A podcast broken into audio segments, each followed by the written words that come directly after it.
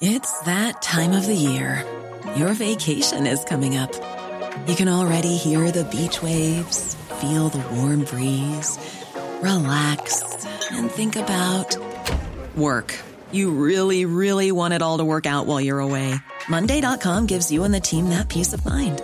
When all work is on one platform and everyone's in sync, things just flow wherever you are. Tap the banner to go to Monday.com. Many of us have those stubborn pounds that seem impossible to lose, no matter how good we eat or how hard we work out. My solution is PlushCare. PlushCare is a leading telehealth provider with doctors who are there for you day and night to partner with you in your weight loss journey. They can prescribe FDA-approved weight loss medications like Wegovy and Zepbound for those who qualify. Plus, they accept most insurance plans. To get started, visit plushcare.com slash weight loss. That's plushcare.com slash weight loss.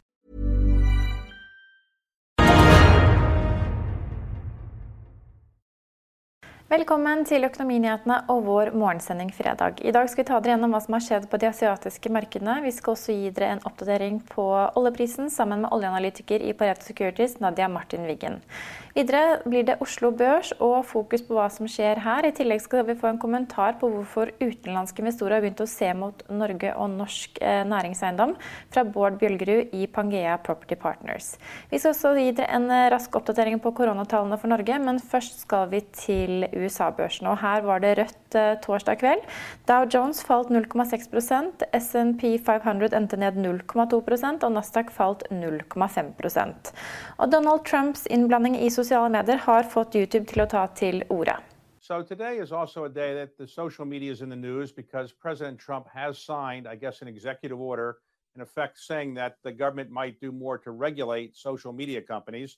Uh, do you have any comment on that? Well, we've heard that this executive order is coming out soon. I think really um, any minute now, um, probably during this interview. So we haven't had a chance to see it, but I'll certainly say we take all concerns very seriously and want to make sure that we understand what the concerns are and that we're addressing them. But we have worked extraordinarily hard to make sure that all of our policies and systems are built in a fair and neutral and consistent way. Um, we're a global company, so all of our policies are done at a global level. Um, they're enforced at a global level. And, um, and if someone has an issue in terms of how we've handled their specific video, they can always appeal. I will say that I think YouTube and the social platforms have really enabled a broad set of new voices to come um, and join the conversation. And we've been really proud that across the spectrum, we see a lot of new voices and a lot of new opinions. Vi skal videre til Asia, hvor det var mest nedgang fredag morgen. I Japan falt Nikki 225 0,2 mens den brede Topix endte ned 0,9 Hang Seng i Hongkong endte også ned 1% mens CSI 300 Kina steg 0,2% Vi skal over til oljeprisen. Brentoen omsettes akkurat nå for rundt 35 dollar fatet. Vi har snakket med oljeanalytiker i Pareto Securities, Nadia Martin Wiggen, om hva det er som eh, rører seg i oljemarkedet akkurat nå. Good morning, Nadia Martin Wiggen. You're an oil analyst at Pareto Securities. The oil price has fallen a dollar or two the last few days. What can you tell us about the development? Well, we have the Brent July futures contract expiring today. So these movements in the last two days are more about consolidating positioning.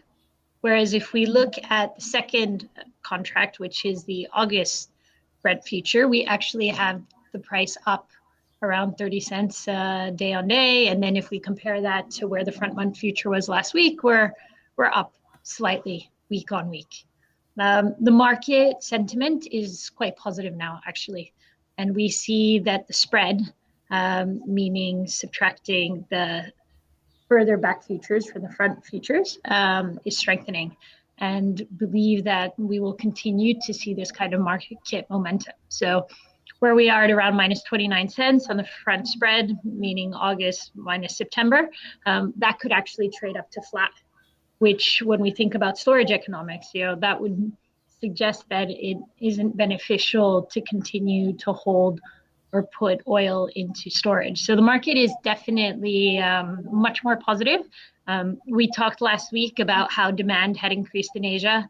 Um, it has increased even more um, across Asia. So India, South Korea have joined on with China and Japan in terms of that recovery. And then yesterday we had the weekly inventory report from the EIA, which showed um, the refiners have increased runs around one and a half percent. They've come up the, from the historic lows, but it is because end user demand is improving, gasoline stocks grew. Um, but refiners have still been prioritizing making distillates for the industrial sector and we haven't seen that recovery yet. So I would describe the market as in a precarious position because we expect in the month of June to see draws in the market. But of course, we've built up a very high level of stocks, and this will still take time, you know, probably through the end of next year for stocks to draw down. However, we do see more driving um, across the world, but especially in Asia and Europe now is starting to pick up. The US still the laggard. Um, so that we see is around 10% higher demand um, for our forecast. Now, if it were to continue at a faster rate of around 10% versus our previous expectations, and if plastic demand were to increase around 5%, which we think is possible, although China has had a slight drop in plastic demand, then we could hit 100 million barrels per day of demand in the first half of next year already. And that is extremely exciting when we think about how this market needs to rebalance. And what does it mean for the price short term, do you think? So, short term, we think the price will continue going higher. However, as it goes higher, we see that come back in shale. So, already we've revised September production higher uh, in, the, in the US by 700,000 barrels per day. We have the OPEC meeting coming up in two weeks the incentive for Russia, especially to increase production, because they still have this competitive view with the US, led by Sechin at Rosneft. He's still in. Um, they also want to increase production, and in Saudi Arabia, may not overcut so much, and the other um, OPEC producers. So, as I said, the market will probably overshoot now and then come back down when all of the production cuts uh, won't be as strong going forward. But we are at least starting the destocking process, which we desperately need. And can you tell us anything about how high the price could go before we will see a dip again? Uh, well, I mean, I look more on the spreads, but we could have it rally up to forty dollars. Yeah, it is possible. Um, because the rig counts will probably still continue to go down a little bit in the US, but we view that as a lagging indicator because first we're going to have some shut in wells not actually be shut in that were scheduled to shut in. Then some will be turned back on in the US. That can happen in days there's already speaking to some of the traders some shale operators have already increased production in yeah. the last few days. So by the time the market sees that we're probably might have rallied quite high. Yeah Så over til Oslo Børs, hvor det er eh, relativt små utslag eh, fredag morgen. Det peker i hvert fall i negativ retning akkurat nå. Vi kan ta med oss at Nordea peker på at årsaken til at vi nå ser spenninger i aksjemarkedet, er denne uroen mellom USA og Kina. Eh, DNB trekker også frem to aksjer som de mener er de klare koronavinnerne, nemlig Kahoot og Pexip. I tillegg kan vi ta med at Morten Astrup har kjøpt flere aksjer i Storm Real Estate. Eh, I underkant av 35 000 aksjer har blitt kjøpt i det selskapet. Seniorøkonom i Handelsbanken Capital Markets Halvdan Grangård mener vi må regne med høyere arbeidsledighet, selv om den ikke blir like høy som man forventet på det aller verste. I tillegg har Okea måttet redusere produksjonsvolumene på Draugen-feltet med 0,2 millioner fat. Dette skyldes kutt i norsk oljeproduksjon. Og nå skal vi høre at lav rente øh, øh, robust koronastrategi og lav norsk krone er positivt når utenlandske investorer nå har begynt å se mot norsk næringseiendom. Når disse utenlandske investorene står på døren og vil kjøpe norsk eh, næringseiendom, hvor er det de helst vil kjøpe, og, og hva er de villige til å betale? Ja, det, det, er ikke noe enkelt svar på det, men du kan si at uh, utlendingene har uh, betydelig større interesse for Norge nå enn det de har hatt på veldig lenge. Og det skyldes rentefallet, det skyldes at Norge nok en gang har vist seg som et kvalitetsland når det gjelder å håndtere kriser. Og man har råd til å håndtere en krise i Norge. Man har en, et godt samspill mellom myndighet, befolkning og næringsliv. Og man har løst liksom, ikke alle spørsmål, men man har håndtert det bedre enn de fleste land. Og man har håndtert det raskere. Og så har vi nok en gang demonstrert liksom, en robust økonomi med et oljefond som kan brukes når det trengs. Og Det betyr at uh, Norge er i en vesentlig bedre situasjon enn andre. Og Det er også at man er mindre redd eh, langsiktig for norsk økonomi enn det man kanskje er når det gjelder andre land. Og Så har du et kronefall oppi alt dette. Og så har du til og med et oljeprisfall som man har som erfart nå ved både oljeprisfallet i 2014 til 2016, men også denne gangen, at, at markedet ser litt igjennom.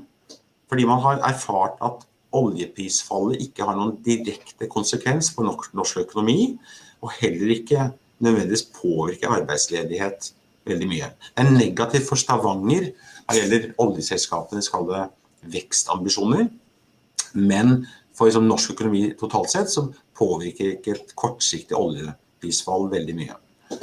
Men du har en svak krone, og alt annet like så er en svak valuta egentlig da, eh, hvis du sammenligner eiendommer over landegrensene, eh, en fordel. Hvis man tror at den valutaen kommer opp igjen. Eh, så, så I sum har det skjedd en del ting rundt Norge som har løftet Norge opp, ganske høyt opp på prioriteringslisten. Og denne Undersøkelsen jeg refererer til, da, den, den der vi har altså spurt uh, ca. 100 investorer over hele verden, uh, så sier de, som de alltid gjør, at Sverige er det viktigste markedet i Norden.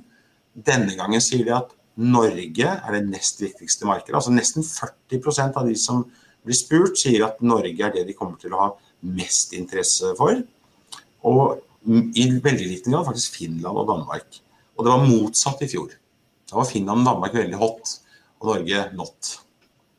Jeg forstår. Men hvis vi skal konkludere her, så høres det ut som at det er en litt mer positiv Bård Bjølgerud vi har å ha med å gjøre, og eh, at det blir noen spennende måneder eh, foran oss. Ja, helt riktig. Vi skal ta med en kort koronaoppdatering for Norge. Akkurat nå er det 8411 smittet og testet for korona i Norge. Vi har 35 innlagt på sykehus og 236 døde.